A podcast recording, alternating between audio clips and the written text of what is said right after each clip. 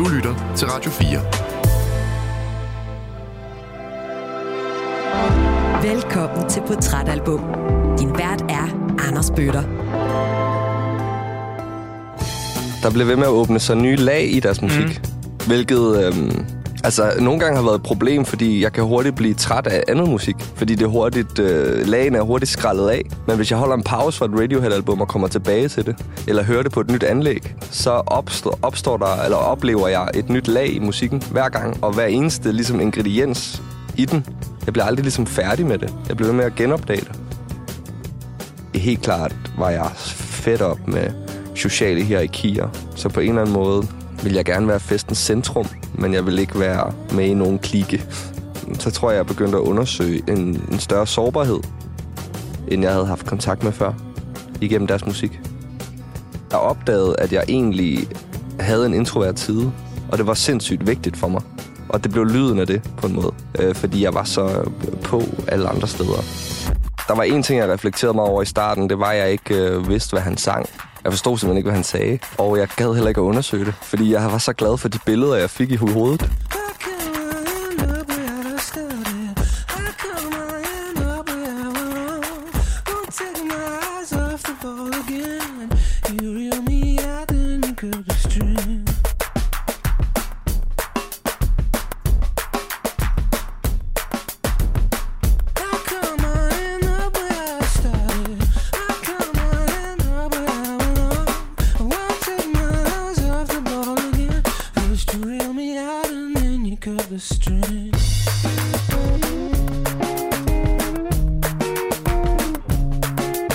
Selvom det måske ikke lyder sådan, så er det her faktisk lyden af en musikindustri-revolution, som fandt sted i 2007 og 2008. Det er lyden af det britiske band Radiohead, der som det første store rockband i verden udgav et album online, hvor køberen selv kunne bestemme prisen. Og jeg husker det tydeligt. Jeg, Anders Bøtter, 27 år, betalte 0 kroner men jeg købte dog også albummet i en imponerende vinyl- og CD-boks, der kostede det hvide ud af øjnene. Albummet In Rainbows lander midt i en brydningstid. Fire år forinden slog den svenske fildelingstjeneste The Pirate Bay dørene op for blandt andet ulovlig fildeling af musik. Og året efter In Rainbows vendte op og ned på musikbranchen, ja, så gik ligeledes svenske Spotify i luften. I del 2 af ugens udsendelse, der vil jeg fortælle dig mere om, hvorfor en Rainbows blev så vigtigt et album i den moderne musikhistorie. Men det er altså det her for musikbranchen aktivistiske album, som ugens gæst, skuespiller Morten H. Andersen, har valgt, når vi skal tegne et portræt af ham. Og Morten hørte sangene fra en Rainbows for allerførste gang, da han så dem spille på Roskilde Festivals orange scene i 2008. Og til den koncert, der lagde de ud med en Rainbows åbningsnummer 15 Step, som du lige skal høre lidt mere af her. Hjertelig velkommen til Portrætalbum.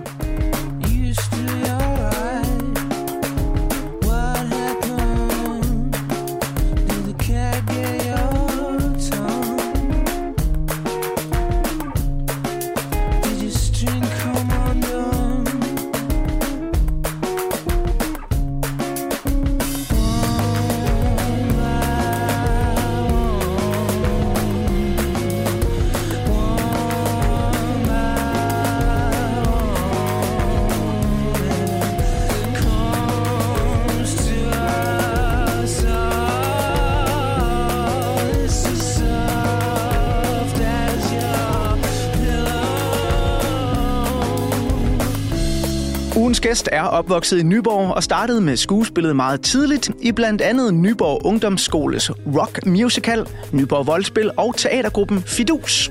Han blev uddannet fra den danske scenekunstskole i København i 2016 og blev samtidig med en del af det faste ensemble på det Kongelige Teater og fik sit store gennembrud i DR's tv-serie Herrens Veje, hvor han spillede præstesønnen August Krog. I biografens mørke, der har du måske stiftet bekendtskab med ham i film som Chrysanthemum eller Margrethe den Første. Og så har du måske ligesom jeg, skælvet og jublet over hans meget forskellige roller, som henholdsvis den voldelige psykopat Mike, der terroriserede tv-serien Fred til Lands i 2019, og den driftige forretningsmand Axel Byvang i storhittet Carmen Curlers fra 2022. Han er netop nu aktuel i filmen Når befrielsen kommer, der finder sted lige ved afslutningen af 2. verdenskrig. Og når jeg, når jeg nu selv er eksil Fynbo, så er jeg også stolt over at kunne sige, at min gæst også er vinder af Nyborg Kommunes Kulturpris. Morten H. Andersen, hjertelig velkommen til Portrætalbum. Tusind tak.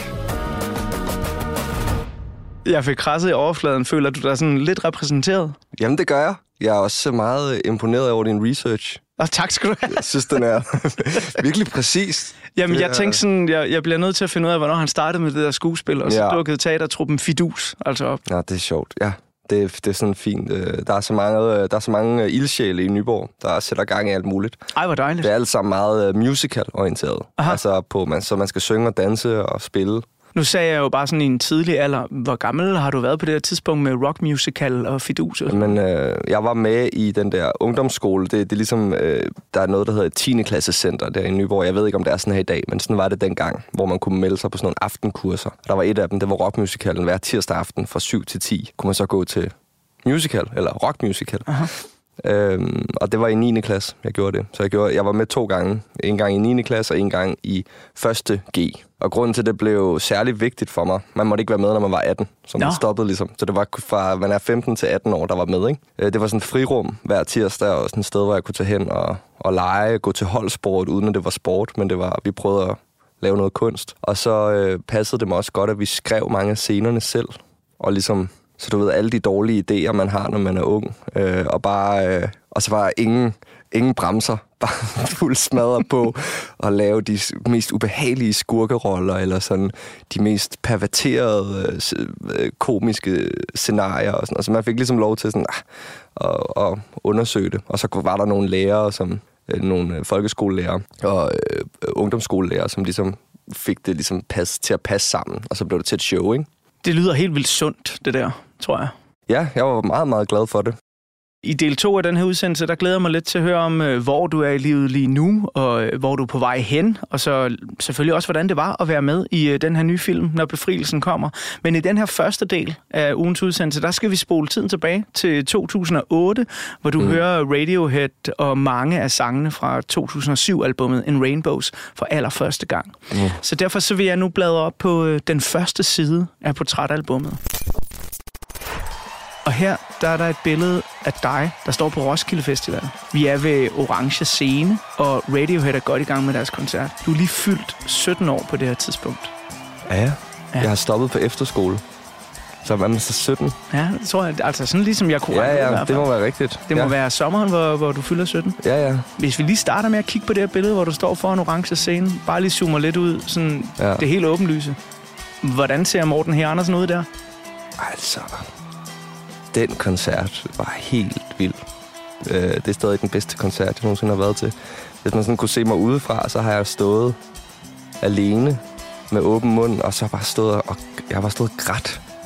Og det, havde, det var første gang, jeg havde sådan en oplevelse til en koncert. At jeg bare sådan, det åbnede bare noget helt vildt. Jeg havde de her lange cylinder hængende på scenen og spillede, og og øh, de sagde ikke thank you, de snakkede ikke med eller de sagde kun thank you. De snakkede ligesom ikke med publikum. Der var ikke noget, hvad så Roskilde, eller noget som helst. De spillede bare deres ting, og det lød bare fuldstændig fantastisk.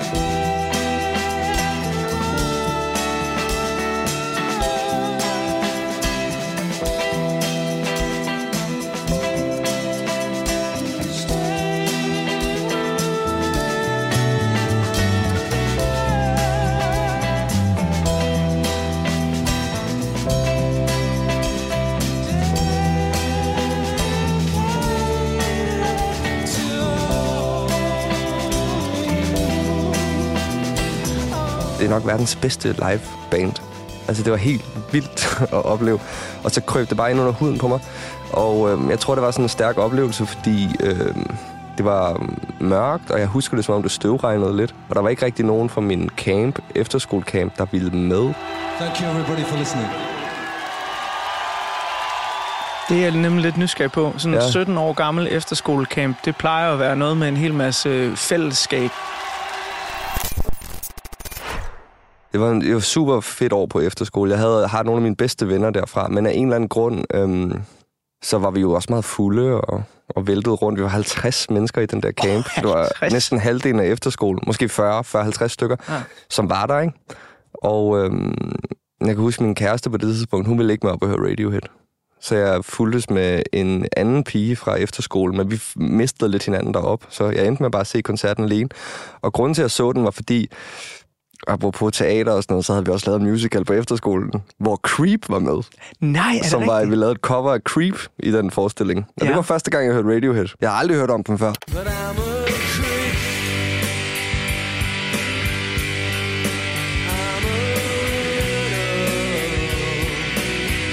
Så jeg, jeg egentlig en musikalsk analfabet, fordi jeg havde mest hørt hiphop. Altså jeg er mest vokset op med hiphop.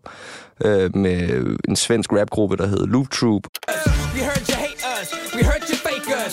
It takes more than your jealous ass to break us. The shit is pumping, wrecking your sound detector. After 20 records, still top choice for selectors. Eminem, Østkyst Hustlers og Hvid Chokolade og sådan noget. Så jeg var meget på det altid. Vi kan ikke lade være med at blive ved og blive ved og blive ved og blive ved og blive ved blive ved for vi er funk som Jenny Spis, hun har penge Hun har en tyk mand, men vi er fede hjemmedrenge Så første gang, jeg blev bekendt med rockmusik, det var faktisk meget på efterskolen. Og jeg havde hørt Queen og sådan noget inden, og Linkin Park, men det er også lidt hiphop. Men så på efterskolen, så blev jeg introduceret for Beatles og Led Zeppelin, og så kom der en matematiklærer fra parallelklassen og sagde, når I skal på Roskilde til sommer, så skal I tage ind og høre Radiohead. Og en god lærer. Ja, Må jeg lige spørge, hvor er vi henne i landet? Hvad er det for en efterskole der? øh, Nordfyn, øh, op ved Nørre Åby, Ja. ligger der en efterskole, der hedder Ejsbjerghus, øh, som egentlig ikke beskæftiger sig særlig meget med teater og musik, men øh, den, den er meget sådan, jeg ved ikke, for nørder, eller den, er meget, den bryster sig af at have meget højt bogligt niveau, så man får lov at lave en masse lektier og sådan noget shit. Øh, men øh, jeg har brugt meget tiden på at starte et øh, rockband og lave teater og dekorere, male graffiti, faktisk, over det hele. Hvad hedder det band? Mit band? Ja. Ah, det var opkaldt efter vores musiklærer. Det hed Inux Armé. og det var virkelig øh, et navn, der blev op. Men vi udgav en plade. Ja. Vi tog til Fredericia og indspillede et album på seks numre okay. på én dag. Okay. Og det er faktisk, altså ham der produceren, han har reddet vores røv. Det er faktisk okay. Altså, Ja. det er jo dårligt. Ja, ja, men det er men- stadig sådan mixet fedt nok og sådan noget. Og, og vi, vi lyder som en blanding mellem, øh, du ved, Arctic Monkeys og Sum 41, øh, som prøver med en falsk britisk accent og skrige sig ud af det. Det er selvfølgelig mig, der synger. Musik bla bla alt muligt frem til øh, Roskilde, og det er aften, og der er ikke nogen, der vil med derop, og jeg tager derop alene, og så bliver jeg simpelthen så ramt af den der koncert, at jeg, i, inden, vi tager, inden jeg tager hjem på Roskilde Festival, har jeg købt mange af deres albums faktisk i Roskilde-butikken. Jeg har i hvert fald købt deres greatest hits der, og nogle andre. Jeg tror, at nogle af deres første. Men jeg hører mest den der greatest hits-plade faktisk. Og så er det først senere, jeg får alle deres albums. Men den sommer, da jeg så går rundt i Nyborg, så der ligger Kvickly øh, nede, øh, hvor man skater rundt om og sådan noget i Nyborg. Øh, jeg er tilfældigvis i Kvickly, og så i sådan en rodekasse, så ligger en Rainbows bare på CD Nej. til 40 kroner. Fordi den jo ikke kostede noget på nettet, Ja, ligesom ja. du sagde i introduktionen. Ja. øh, så de har ikke vidst, hvordan de skulle label den. De har ligesom købt den ind, og så er den jo bare gratis på nettet. Så den havde bare sådan en tilbudsmærke, 40 kroner. Den der, øh, en Rainbow CD, så jeg bare, den skal jeg bare have. Og den, øh, ja, det er en, et virkelig god plade. Når jeg hører den her historie, bliver jeg jo først og fremmest som musikformidler og radiovært sindssygt glad. Fordi det her, det er jo en, en coming-of-age øh, opblomstringshistorie ind i et kreativt band, som jo laver nogle virkelig skæve værker. Ikke? Altså, mm. Det er lidt noget andet end vers omkvæd, vers omkvæd. Ja. Hele tiden i hvert fald. Øh, der som, som 17-årig, har du der sådan noget sprog for, hvad det egentlig er, deres musik gør ved dig? Altså, hvorfor tror du lige, det er Radiohead, der kommer til at ramme så hårdt? Jeg har ikke noget sprog for det på det tidspunkt. Øh, jeg, der var en ting, jeg reflekterede mig over i starten. Det var, at jeg ikke øh, vidste, hvad han sang. Jeg forstod simpelthen ikke, hvad han sagde, Tom York. Og jeg gad heller ikke at undersøge det. Fordi jeg var så glad for de billeder, jeg fik i hovedet af det. Især den der en Rainbows-plade, den hørte jeg rigtig meget også bare sådan til alting. Jeg hørte den, når jeg løb, jeg hørte den, når jeg sov, jeg hørte den, når jeg var under transport, når jeg var på vej et sted hen. Og den passede til det hele, og hver gang så gav den mig sådan en følelse af safe space og ro øh, og fantasi egentlig også. Øh, ja, jeg hørte den til alting, når jeg kunne slappe af, når jeg skulle være aktiv, når jeg kyssede med min kæreste, alting, var det ligesom bare den der plade bare igen og igen. Du ved, jeg havde sådan... Jeg havde et stereoanlæg, hvor der kunne være tre CD'er i. Så kunne man rotere dem. Yes! Det var så fedt. Ja, det var nemlig rigtig, Og det var bare øh, rigtig meget Rainbows, og så var det Amnesiac og Hail to the Thief, som bare kørte. Det kørte bare rundt, de tre, og det er stadig top tre øh, Radiohead-albums for mig, tror jeg. Til øh, de lyttere, der ikke er så meget inde i Radiohead, så vil jeg sige, at jeg i del 2 af den her udsendelse tegner et portræt af bandet, så man kan blive lidt klogere. Men jeg kan da sige så meget, at hvis man sådan som 17-18-årig har de tre plader kørende i sin CD-samling, så har man eddermame også nogle musikkalorier kørende. Altså det er, det er eddermame lækre ting, du har liggende der. Jamen, der bliver ved med at være, øh, der bliver ved med at åbne sig nye lag i deres musik. Mm. Hvilket, øhm, altså, nogle gange har været et problem, fordi jeg kan hurtigt blive træt af andet musik. Fordi det hurtigt, øh, lagene er hurtigt skrællet af. Men hvis jeg holder en pause fra et Radiohead-album og kommer tilbage til det, eller hører det på et nyt anlæg, eller et eller andet, øh, skifter omstændigheden, så opstår, opstår der, eller oplever jeg et nyt lag i musikken hver gang, og hver eneste ligesom ingrediens i den, om det er øh, øh, bassstrukturen, eller det er en eller anden et klap langt væk med et ekko på, eller sådan noget, så er der, så er der nye musikalske detaljer i det. Så jeg var sådan, jeg bliver aldrig ligesom færdig med det. Jeg bliver ved med at genopdage det. Jeg synes, det her det er nogle øh, rigtig fine beskrivelser af, øh, hvordan øh, musikmorten går og har det som øh, 17-18-årig, når du dykker ned i øh, det her øh, fantastiske orkester. Men øh, der er jo også en verden uden for både Orange Scene og for efterskolen. Og øh, derfor så øh, vil jeg øh, lige om lidt bladre op på den næste side af portrætalbummet, hvor der er et billede af året 2008. Så vi lige kan blive lidt klogere på, hvad sker der egentlig i verden? Øh, hvad er det for et sted, vi er i her i Danmark og internationalt? Men inden vi kommer så langt, så skal vi lige have den sidste del af åbningsnummeret på en Rainbows. Her er lidt mere af 15 Step.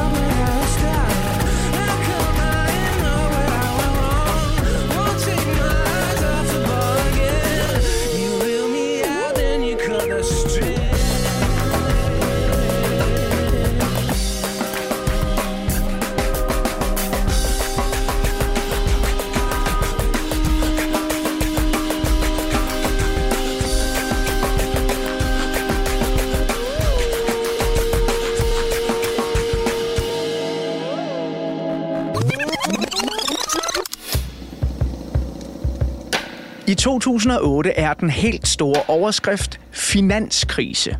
Den amerikanske mastodont investeringshuset Lehman Brothers indgav konkursbegæring. Det fik alverdens aktieindekser til at dykke kraftigt. Her i Danmark faldt C20-indekset med 11 procent, hvilket var det største fald nogensinde. Og ligesom Lehman Brothers i USA blev både en reel og symbolsk søndebuk for alverdens ulykke, så afsløredes en grisk fupmager også her i Danmark. IT Factories direktør Stein Bakker mistænktes for at have bedraget firmaet for over en halv milliard kroner. Han flygtede til udlandet, efterlystes af Interpol og meldte sig til sidst til politiet i Los Angeles. Stein Bakker tilstod under retssagen i 2009 svindel og bedrageri for 800 millioner kroner. Man mener, at Stein Bakker har ageret direktør for firmaet selfstorage.dk i den periode, hvor han har siddet i fængsel fra 2009 og så frem til anklagemyndigheden eller statsadvokaten for særlig økonomisk kriminalitet finder ud af det. Men selvom finanskrisens skurke kan virke frastødende, så er de dog intet imod den ondskab, der afsløredes i en kælder i Østrig i 2008. Den 73-årige mand, Josef Fritzl, afsløredes i at have holdt sin datter til fange i et lydtæt beskyttelsesrum lignende kælderværelse. I 24 år. Igennem disse år voldtog han sin datter, som nåede at føde i alt syv børn. Et af børnene døde kort tid efter fødslen. Josef Fritzl brændte herefter barnet i en brændeovn. As Fritzl was led away to begin his sentence, the question of why he committed his crimes still hangs in the air. He is the only person who can answer that, but chooses not to. To many, it seems extraordinary that 24 years of horror has been dealt with in a trial lasting just three and a half days. Men der er heldigvis også masser af håb i 2008. Det er nemlig året, hvor de vanvittigt vigtige forsøg med verdens største partikelaccelerator, Large Hadron Collider, begyndte ved CERN i Schweiz. Det er også året, hvor grønlænderne stemmer ja til et nyt selvstyre, som blandt andet sikrer dem ejendomsretten til de råstoffer, der findes i den grønlandske undergrund. Og så er 2008 året, hvor USA får sin første afroamerikanske præsident nogensinde. Det sker, da den 47-årige demokrat Barack Obama vinder det amerikanske præsidentvalg over republikaneren John McCain. Yes, we can. Thank you. God bless you. And may God bless the United States of America. Foran tv-skærmene og i biografens mørke, der er der knald på i 2008. Den fjerde sæson af den hypede serie Lost får premiere. Computerspillet Grand Theft Auto 4 går sin sejrsgang over hele verden, og i biografen er de fire mest sete film Kung Fu Panda, Indiana Jones comeback-filmen Kingdom of the Crystal Skull, Den danske flamme og citronen, og den bedste Batman-film, der nogensinde er lavet, The Dark Knight. Her spiller det unge supertalent Heath Ledger sit livs rolle som den klassiske skurk, Jokeren. En karakter, som han igennem overbevisende skuespil og vanvittig makeup løfter til hid til usete superskurke højder. Men det bliver desværre også Heath Ledgers sidste rolle nogensinde. Han dør på tragisk vis af en overdosis medicin, og når aldrig at modtage den enorme hyldest, han får for sin Joker-rolle. Why so serious? Sticks the blade in my mouth. Let's put a smile on that face. Her hjemme i den lille danske andedam er 2008 året, hvor et af P3's mest lyttede radioprogrammer nogensinde, De Sorte Spejdere, med Anders Breinholt og Anders Lund Madsen, sender for aller sidste gang. Det er året, hvor den kun 22-årige danske pokerspiller Peter Eastgate bliver den yngste pokerverdensmester nogensinde og vinder ca. 53 millioner kroner. Det er året, hvor speedwaykøren Nicky Pedersen bliver verdensmester for tredje gang, og racerkører Tom Christensen vinder Le Mans for 8. gang. Og når ja, så er det også året, hvor Danmark vinder Europamesterskaberne i herrehåndbold. Det sker, da vi slår Kroatien 24-20. Danmark er Europamester 2008. Den første guldmedalje er hjemme. Hey! Det er en fantastisk triumf for dansk herrehåndbold, men det er en kæmpe triumf for Ulrik Vilbæk. Han har gjort det både damer og herresiden. Det er uden sidestykke. Der er ingen andre trænere i hele verden, der har gjort det, men det har Ulrik Vilbæk. Og han fortjener et kæmpe kado. Og her til sidst, så kan jeg da lige runde af med at fortælle, at 2008 er året, hvor 25-øren afskaffes som gyldigt betalingsmiddel, alt imens den blå avis sælges sammen med dba.dk og bilbasen.dk til det amerikanske firma eBay for ca. 2,1 milliarder kroner. Sidst, men slet ikke mindst, så er 2008 også året, hvor Danmarks historiens største røveri finder sted. Det sker på en pengecentral i Glostrup, hvor røvere slipper afsted med 62 millioner kroner. Sådan, Morten. Der kom en overflyvning af dit og mit og hele verdens 2008. Jeg anede ikke, at øh, den blå avis var ejet af eBay. Jo, simpelthen. Altså, det tror jeg stadig sådan, at Jeg troede, det var så pæredansk, som noget kunne være. Jamen, det var det også øh, indtil 2008. Jeg skal ikke være, gøre mig klog på, hvis hænder dba.dk er på nu. Det kan sagtens være, det stadig Ej, er jeg har eBay. solgt mange gange jo. Ja. Til Am- Amazon og Lige præcis. Facebook. Jo. Så nogle overskrifter her, øh, altså når man går på efterskoles, og man, man er musikinteresseret, og man står på Orange Scene på Roskilde Festival, er der jo masser af hverdagens nyheder, der bare mm. ikke trænger ind igennem øh, teenage-hjerneskallen. Men er der noget af det her, du sådan husker særlig godt fra de år? Ja, så klart, øh, eller selvfølgelig husker jeg øh, The Dark Knight. Mm. Den så jeg rigtig mange gange i biografen, og det er jo stadig en af de mest... Jeg tror nærmest, det har været en af de mest inspirerende filmoplevelser for mig Ja øh, i mit liv, at se Heath Ledgers arbejde i den film, selvfølgelig. Og ja, det, jeg ved ikke, øh, det, det, det er en kliché, for der er mange skuespillere, der siger det, men det er noget af det liv, der han bringer i den film. Det er det, man gerne vil. Det er det, jeg gerne vil, når jeg laver film. Så vil jeg have det føles lige så live, som det gør i den film. Det føles ikke staged. Det føles som om, at han gør det første gang, hver gang jeg ser det, den film. Og det den form for farlighed, den form for liv, øh, jeg gerne vil have ind i alle mine roller, om de er skurke eller helte eller sammensatte personer, der er begge ting. Så det er ligesom den form for nærvær, som han bringer til det, det er, hans præstation er, er helt magisk. Men det er faktisk en præstation, som øh, nu jeg sidder og tænker over det, det er noget, jeg lige har kommet på nu. Øh, et eller andet sted, så når jeg ser øh, DR's tv-serie Fred til Land, og Mm. tænker på Mike, som du spiller, så sker der noget med, at skurkerollen, som vel egentlig på papiret og i manus, hvor meget de fylder, er en form for birolle, eller i hvert fald en eller anden karakter, som giver noget til fortællingen, jamen de på en eller anden måde går ind, ikke og overtager fortællingen, mm. Men bliver noget af den primære drivkraft. Ja, det er rigtigt. Man snakker ikke ret meget om Batman i The Dark Knight. Nej, det gør man nemlig ikke. Øhm, og ja, jeg tror også, på en måde skete det lidt det samme i Fred til Lands, men man kan bare heller ikke gøre det, hvis ikke man har sindssygt generøse medspillere. Altså, jeg skulle slås med Mads Rømer og Dar Salim, og de er begge to højere end mig og stærkere end mig. Men de spiller ligesom med på at give magten til skurken, ikke? Ja. Så det er jo et, et samspil, et samarbejde rigtig meget. Det er også bare, hvad man, hvad, man, hvad man tænder på. Jeg synes bare, at de der skurkeroller, det har jeg altid gjort faktisk lige siden den der rockmusical, vi snakkede om i tilbage i Nyborg. Der spillede jeg skurken begge år. Øh, den onde øh, modstanderen, ham der ligesom var imod alle de andre gode teenager, og så var der en ond. Øh, og det var mig. Øh, og det, jeg tror altid godt, jeg har kunne lide at finde øh, de knæk, eller sådan det, der stikker ud, det, der stikker i en retning, som er asymmetrisk på en eller anden måde. Og, og skurkerne er bare tit øh, asymmetriske karakterer. Som Ja, ikke, øh, jeg synes jo nogle gange de mest interessante også. 100 procent, men antihelten har jo også bare en kæmpe renaissance i vores tid. Ja. Øh, de sidste 10 år. Øh, fra Breaking Bad til Sopranos til Goodfellas. Altså, al- alting. Det er jo antihelte, som virkelig sådan er de der karakterer, der går over i historien, ikke? Kan du godt lide at spille skurk? Ja, det kan jeg godt. Jeg synes også, det var hårdt faktisk med Fred til lands øh, at spille Mike nogle gange, fordi især hvis vi skulle improvisere, fordi den er så grænseløs. Og øh, så blev jeg ramt af sådan skam bagefter, hvis jeg havde pushet grænserne over for nogen. Øh, men det er også bare en del af arbejdet. Øh, jeg kan rigtig godt lide det, fordi det også bare, i, når jeg er i gang med at prøve at forme karakteren, eller ligesom finde ud af, hvordan skal jeg spille ham her, så, så kan jeg rigtig godt lide at undersøge alle de ting, der er i vores virkelighed.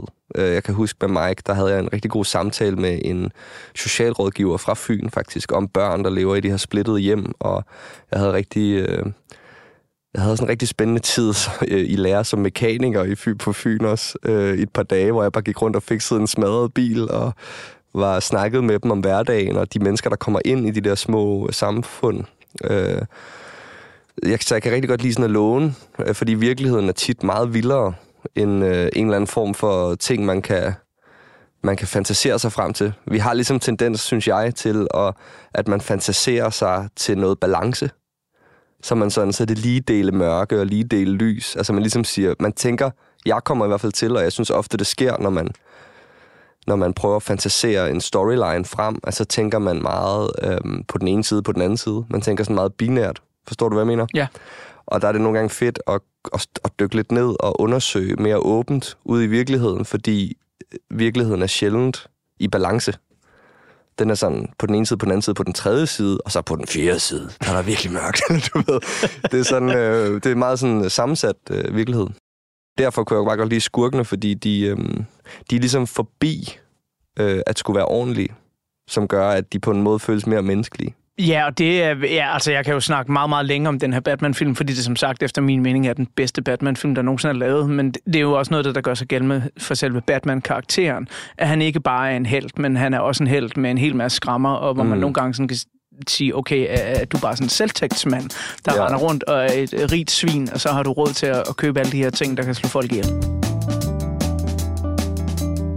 Men jeg kan også huske Stein Bakker. Så ja, der er to kan... store, meget interessante skurke okay. i, det, i det år. For Stein Bakker var fandme der også ja, der, en der er faktisk karakter. mange skurke. Der er også Josef Fritzl, ikke? Altså... Oh my shit, det var virkelig ubehageligt. Ja, det var virkelig, øh, virkelig, virkelig ulækkert. Jeg kan huske Josef Fritzls ansigt. Altså, det har printet sig fast med de der ja. meget lange øjenbrynshår. Ja.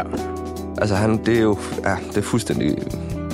Det, det kan man ikke sætte ord på. Det er bare mishandling på det her tidspunkt i 2008, der er du jo bare en små 17 år gammel. Du er lige fyldt 17, så måske inde i er du måske stadig mere 16. øh, men øh, så er jeg jo sådan lidt nysgerrig på, når jeg læser sådan en hel masse forskellige nyheder op. Øh, I dit barndomshjem, er det sådan et sted, hvor man følger meget med i øh, dagens gang og øh, tidens tendenser, og vi sådan sidder og debatterer politik eller samfundsforhold og nyheder osv.? Det er et godt spørgsmål. Jeg synes, mine forældre følger meget med.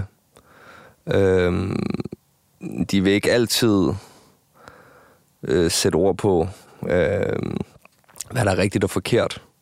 Men vi får i hvert fald, øh, vi får i hvert fald diskuteret øh, de store linjer. Og øh, de er sindssygt trætte af, at mennesker ikke øh, er, mere dannet i forhold til, når der er debatter og sådan noget. Øhm, så det er meget, det er min mors store kæphest i øjeblikket, og det var det vist også dengang, at, at folk burde være mere almen dannet, og hun, øh, ja, raser over øh, minoriteter, når de bliver udsat for hits. Og, altså, så på den måde har vi diskuteret uretfærdighed derhjemme. Og ansvar også meget. Min, min mor var folkeskolelærer, og min far arbejdede med... Ja, det er faktisk svært. Det er altid pinligt. Jeg kan ikke sige præcis, hvad han lavede, men dengang jeg var teenager, arbejdede han i til TDC, øh, hvor han øh, rekrutterede ledere og sådan noget. Så det var også noget med personlighedstyper og sådan nogle ting. Øhm, så det, ja, på den måde har det handlet meget om mennesker.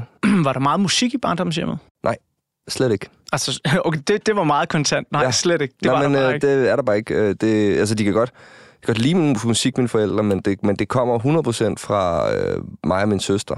Øh, så min fars yndlingsband er ABBA, ikke?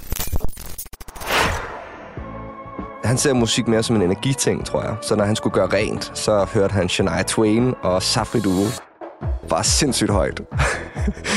og min mor øh, var mere vild med øh, Bruce Springsteen, ikke? Og så, øh, så satte de nogle gange opera på. Ja. Og til jul, så var det aldrig sådan noget Wham eller sådan noget. Det var altid Christmas carols.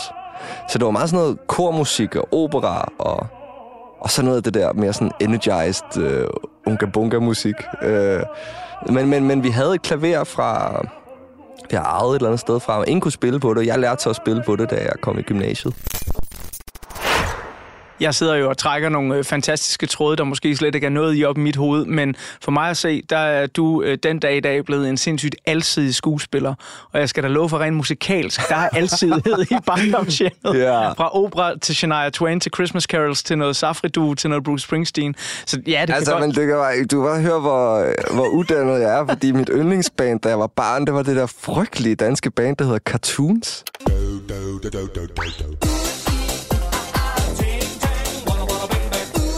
De, jo, øh, de var jo virkelig sjove, men hvis du genser en musikvideo med dem nej, i dag, så er den nej, ikke... det må du ikke gøre. Den er ikke politisk korrekt mere. Nej, kan jeg så sige. nej, den er ikke politisk korrekt mere. Ja. Men prøv at høre. Øh, en ting er jo, hvad du hører i barndomshjemmet, og hvad mor og far hører. Noget andet, det er, hvad der sker i det år, hvor du opdager Radiohead i øh, 2008. Og øh, derfor så vil jeg lige om lidt bladre op på øh, den næste side af portrætalbummet, Men- hvor der vil være et billede af musikåret Men jeg 2008. Føl, undskyld, jeg følte bare lige, at jeg skulle tilføje, at øh, altså det der musik, mine forældre hørte frem til at møde Radiohead, der var det jo rigtig meget hård hiphop. Okay. Så det var jo rigtig meget Eminem og DMX og Exhibit mm-hmm. og sådan noget. The first day of the rest of my life. Stand behind the mic like Walter Cronkite. Y'all keep the spotlight. I'm keeping my rhymes tight. som jeg fik ind igennem øh, skateboarding og graffiti-miljøet, som ligesom var mit... Øh, det, det, det var det sted, jeg fandt, fordi jeg kunne, ikke, øh, jeg kunne ikke lide at gå til fodbold, og jeg kunne ikke lide at gå til håndbold. Så det var ligesom, jeg kiggede lidt smule til basketball, men så var det ligesom det der øh, mere æstetiske, øh, skateboarding, streetmiljø. Som, Var du en god skater eller en god graffiti-maler? Ja, altså for den tids standarder. Jeg tror, at når jeg ser folk, øh, unge mennesker i København, øh, fyre den af i Fælledparken, så er jeg fuldstændig sådan overdrevet imponeret. Men i forhold til Nyborg-standarder, så var jeg helt klart blandt de bedste Fedt. for min generation. Fedt.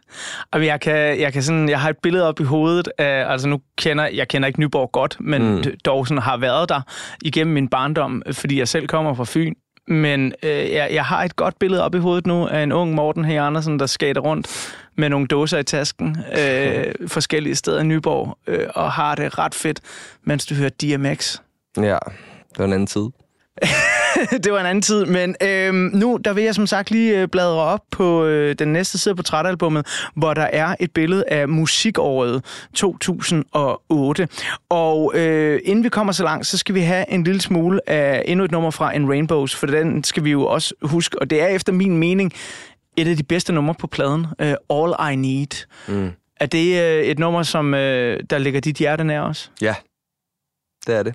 Altså, alle numrene på en Rainbows ligger mit hjerte nær. Jeg synes faktisk kun, der er et dårligt nummer på pladen. Hvad er det?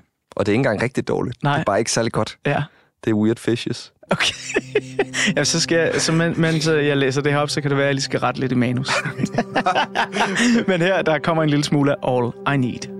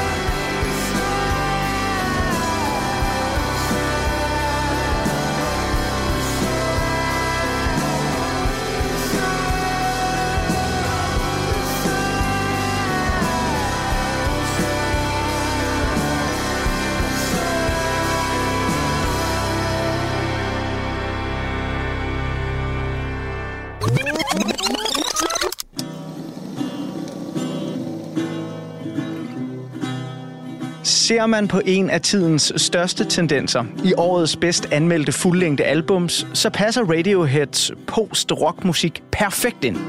2008 er nemlig et år, hvor de afdæmpede albums med masser af stemning sejrer stort. Den melankolske indie-folk ledes af navne som Bon Iver, der udgiver albumet Forever, Forever Ago, Come on, skinny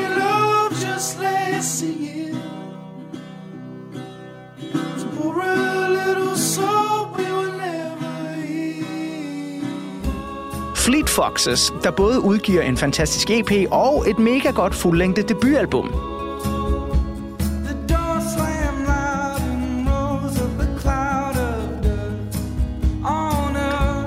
Og så i den mere elektroniske ende, Portishead, der efter 11 års albumtavshed udgiver comeback-albummet Third.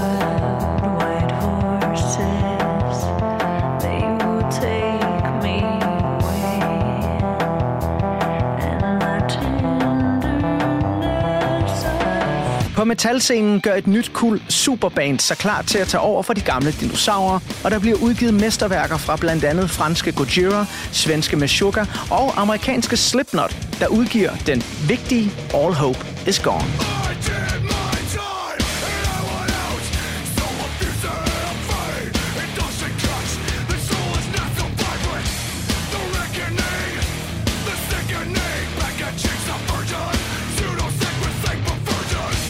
Men når alt kommer til alt, så er det stadig de gamle handelefanter fra Metallica, der snupper årets rockoverskrifter med deres potente tilbage til den gode gamle stil 8. studiealbum Death Magnetic.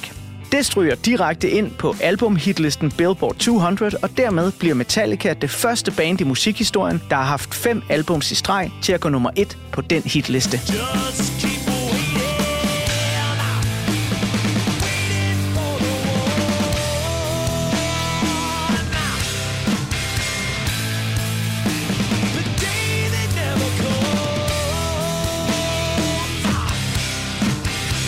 Men som altid, så er det jo hverken de fuldlængde albums, der bliver anmeldt bedst, eller alverdens metalbands, som står for at tegne lyden af et bestemt år. Nej, skal 2008 beskrives i lyd, så må vi tage et kig på singlehitlisterne og radiostationernes playlister verden over. Og her dominerer fantastiske sangerinder. Beyoncé beriger os med nummeret If I Were a Boy. If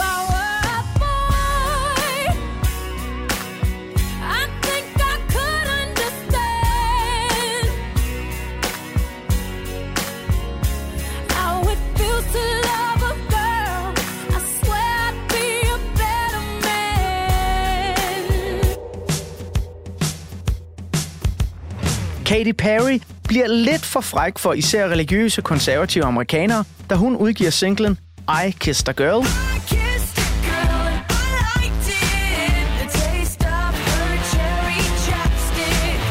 I kissed girl just to try it. I hope my boyfriend don't mind it. Men den mandlige testosteronmusik er skam ikke helt glemt. Sådan da. Nickelback hitter i hvert fald med nummeret Rockstar.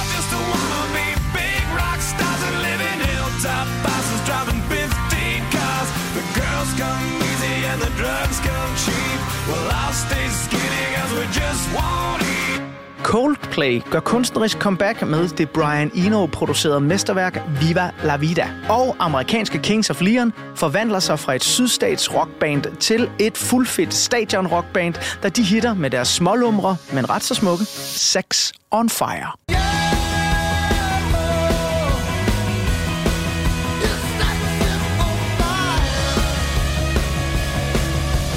Her hjemme i Danmark udsender Peter Sommer i 2008 sit på det tidspunkt kunstneriske hovedværk til rotterne, til kraverne, til hundene. Og han bliver også en af de mest vindende kunstnere ved Danish Music Awards året efter. For det er desværre sådan i min sport At hvis du brokker dig, får du rødt kort Dansk hiphop har det også godt. Suspekt hittede året før med numre som Proletar, hvor jeg står og Sut den op fra slap. Og her i 2008, der fortolker LOC så de syv dødssønder på sit fjerde studiealbum.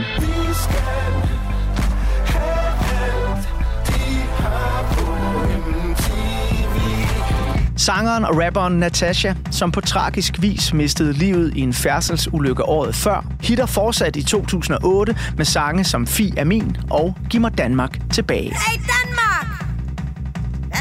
For dig? Jeg savner dig, jeg vil have dig tilbage Ligesom i de gamle dage, hvor en spage var en... Jo!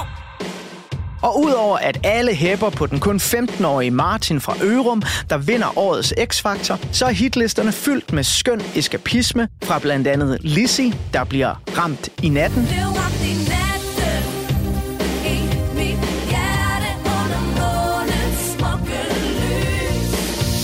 Sys Bjerre, der har et virkelig anstrengt forhold til en, der hedder Marlene. Nu er det din tur til at være alene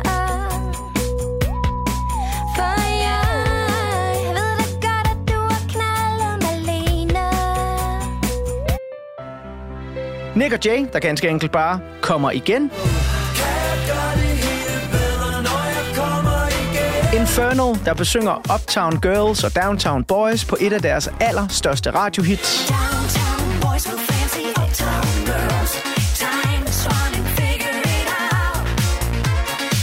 Og Volbeat, der besynger stripperen Maybelline i hendes hofteholdere.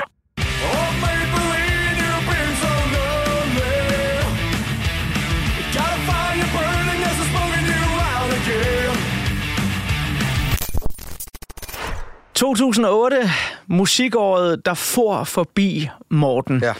Du øh, står i den her sommer for en orange scene og får dit hoved eksploderet til, hvad du selv nævnte, som en af de bedste live-koncerter, du nogensinde har set, hvis ikke den bedste af Radiohead.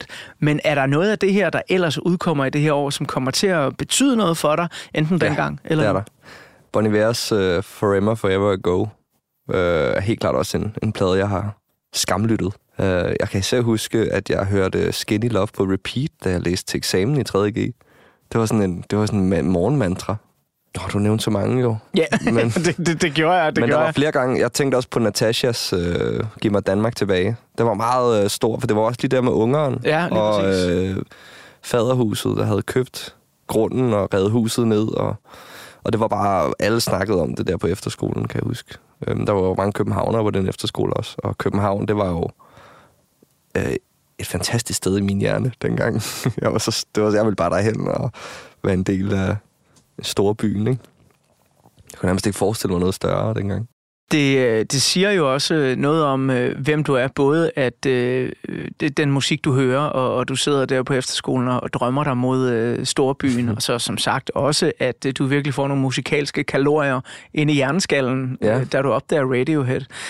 Men hvis vi nu her i slutningen af del 1 lige skal træde lidt tilbage fra portrættet af dig og se på den her unge mand, der øh, forelsker sig i Radiohead, øh, er begyndt at spille skuespil og, og så videre. Hvis du selv skulle øh, beskrive portrættet af dig, hvem øh, var Morten H. Andersen så i 2008? Hvad skal man starte med? Jeg tror, det første, jeg tænker, er, at jeg var meget øh, restløs. Og at jeg øhm, forsøgte at være alle steder på en gang. Mm, at jeg passede... Jeg var også skoletræt. Øh, men ikke, ikke fordi, at jeg blev pjekket eller noget, men jeg kan huske det som om, at mit fokus lå mere på at præstere til det der teater, jeg gik til om tirsdagen, og til gymnasiets egen musical, end det gik på at, at være i skole. Og helt klart var jeg fedt op med sociale hierarkier på Nyborg Gymnasium. Så på en eller anden måde ville jeg gerne være festens centrum, men jeg ville ikke være med i nogen klike. Så jeg var sådan en øh, lidt diffus størrelse, tror jeg, for nogen i hvert fald, på skolen, øh, på gymnasiet. Og så tror jeg bare, for at lave en eller anden tråd tilbage til Radiohead, så, øh, så tror jeg, jeg begyndte at undersøge en, en større sårbarhed, end jeg havde haft kontakt med før, igennem deres musik. Ja, fordi det er jo virkelig også noget at gå fra, altså hvis vi nu ser rent musikalsk på noget af det, som du beskrev, et skater-graffiti-miljø, hvor der bliver pumpet øh, DMX og Eminem og hård hiphop, og så over til det her, som jo især med Tom York i front, altså er ekstremt følsomt. Det er nærmest porøst. Jamen, jeg tror, jeg, jeg tror, jeg opdagede, at jeg egentlig havde en introvert side, og det var sindssygt vigtigt for mig. Og det blev lyden af det, på en måde. Øh, fordi jeg var så på alle andre steder, og sådan øh, havde krudt i røven, på en måde. Og på samme måde blev, øh, blev teaterrummet også et, en pause fra de sociale strukturer, der regerede på gymnasiet for eksempel. Øh, fordi vi skulle alle sammen undersøge roller, så alles status var ligesom kastet op i luften i et teaterrum. Og det passede mig bare sindssygt godt, fordi jeg trivedes slet ikke i det andet. Jeg kan ikke lide, når folk spiller hinanden ud mod hinanden, eller øh, har mere magt end nogen andre. Øh, så skrider jeg bare øh, og ligesom gør noget andet selv. Øh, ikke fordi jeg skal være heldig, men mere fordi jeg, har- det ikke føles rart. Øh, og, og med, med Radiohead, der, oplevede, der opdagede jeg en sårbarhed, som jeg godt vidste var der, men øh, som jeg ligesom måske øh, havde set som svag. Og det, øh, det var meget sundt, tror jeg, på det tidspunkt. Og så skal det bare siges, at det der skatermiljø, det var ikke hårdt. Altså, det var, jeg tror på mange måder, det var mere, meget mere følsomt end, øh, end at gå til fodbold, i hvert fald i Nyborg. Fordi ja. vi lå jo bare på skaterramperne, når vi var helt smadret, og så lå vi og snakkede om, hvem vi helst ville være kærester med, ikke? Ja, og, ja. hvordan man var en god kæreste, og man ja. skulle opføre sig ordentligt over for pigerne og sådan noget. Du ved, sådan noget der. Jeg er faktisk frygtelig øh, pligtopfyldende, og har altid fået... Altså, da jeg var helt lille, så kunne jeg jo finde på at græde, hvis nogle andre fik skæld ud i skolen, du ved. Hvis nogen fik skæld ud for at have tegnet på toilettet, og jeg ikke havde noget med det at gøre, men så fordi de andre fik skæld ud, så brød jeg sammen, fordi der var konflikt i rummet. Ja. Så jeg var jo ekstremt overfølsom, ikke? Og så har jeg bare pakket det ind i øh, humor og restløshed og, og sådan noget øh, senere. Og jeg har, fordi min mor er folkeskolelærer, eller var folkeskolelærer, så, øh, så havde jeg også altid sådan, jeg opførte mig sindssygt pænt over for alle lærerne, fordi jeg havde sådan en følelse af, at det kunne være min mor, så jeg skal ikke fuck med dem. Forstår du? Ja. Øh, så, øh, så jeg har egentlig altid været sindssygt regelret. Jeg tror bare, jeg havde, et, øh, jeg havde brug for, jeg havde et kreativt output, der skulle ud. Jeg begyndte også på efterskolen og senere også i gymnasiet, øh, begyndte jeg at lave musik af selv, og jeg skrev jo selv sange der på efterskolen. I gymnasiet blev det mere Radiohead-inspireret, sådan ekstremt eksperimenterende, så det næsten ikke hang sammen. Og, og så kom James Blakes album nogle år efter, Ja. og så blev det meget mere sådan, det der underlige eksperimenterende, næsten usammenhængende, kombineret med beats. There's a limit to your love. Your love, your love, your love. There's a limit to your care.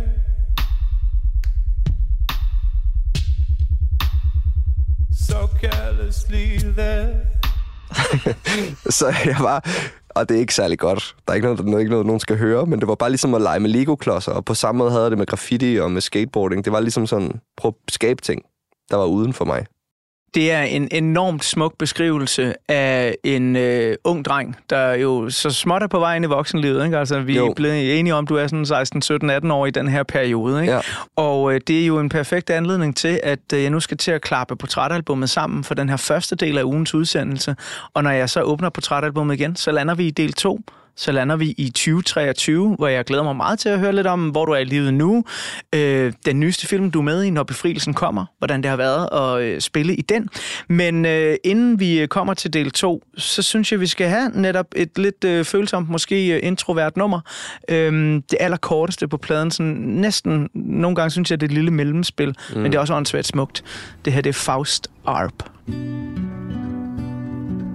Wakey, wakey, It's on again, off again, on again. Watch me fall like dominoes in pretty patterns. Fingers in the backbone pie. I'm tingling, tingling, tingling. It's what you feel now, what you ought to, what you ought to. Reasonable, sensible. There from the neck up. I guess I'm stuck, stuck, stuck. We thought you had it, but no no, no, for no real reason. Squeeze the tubes and empty bottles. I take a bow, take a bow, take a bow. It's what you feel now, what you ought to, what you ought to. The elephant that's in the room is tumbling, tumbling, tumbling. Duplicate and triplicate and plastic bags and duplicate and triplicate. There from the neck up, I guess I'm stuck, stuck start. We thought you had it, but no, no, no. Exactly where do you get up? Is enough, is enough. I love you, but enough is enough, enough. And that stuff, there's no real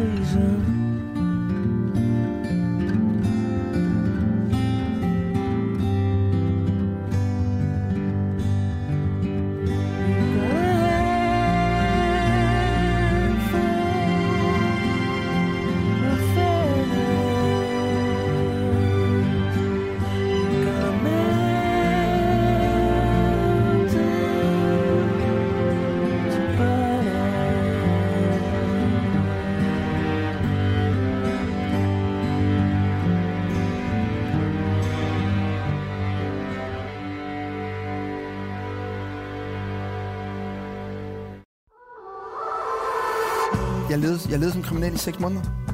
Jeg var med til at sælge stoffer. Jeg stod med folk med skyder og knive, kæmpe poser coke og distribuerede.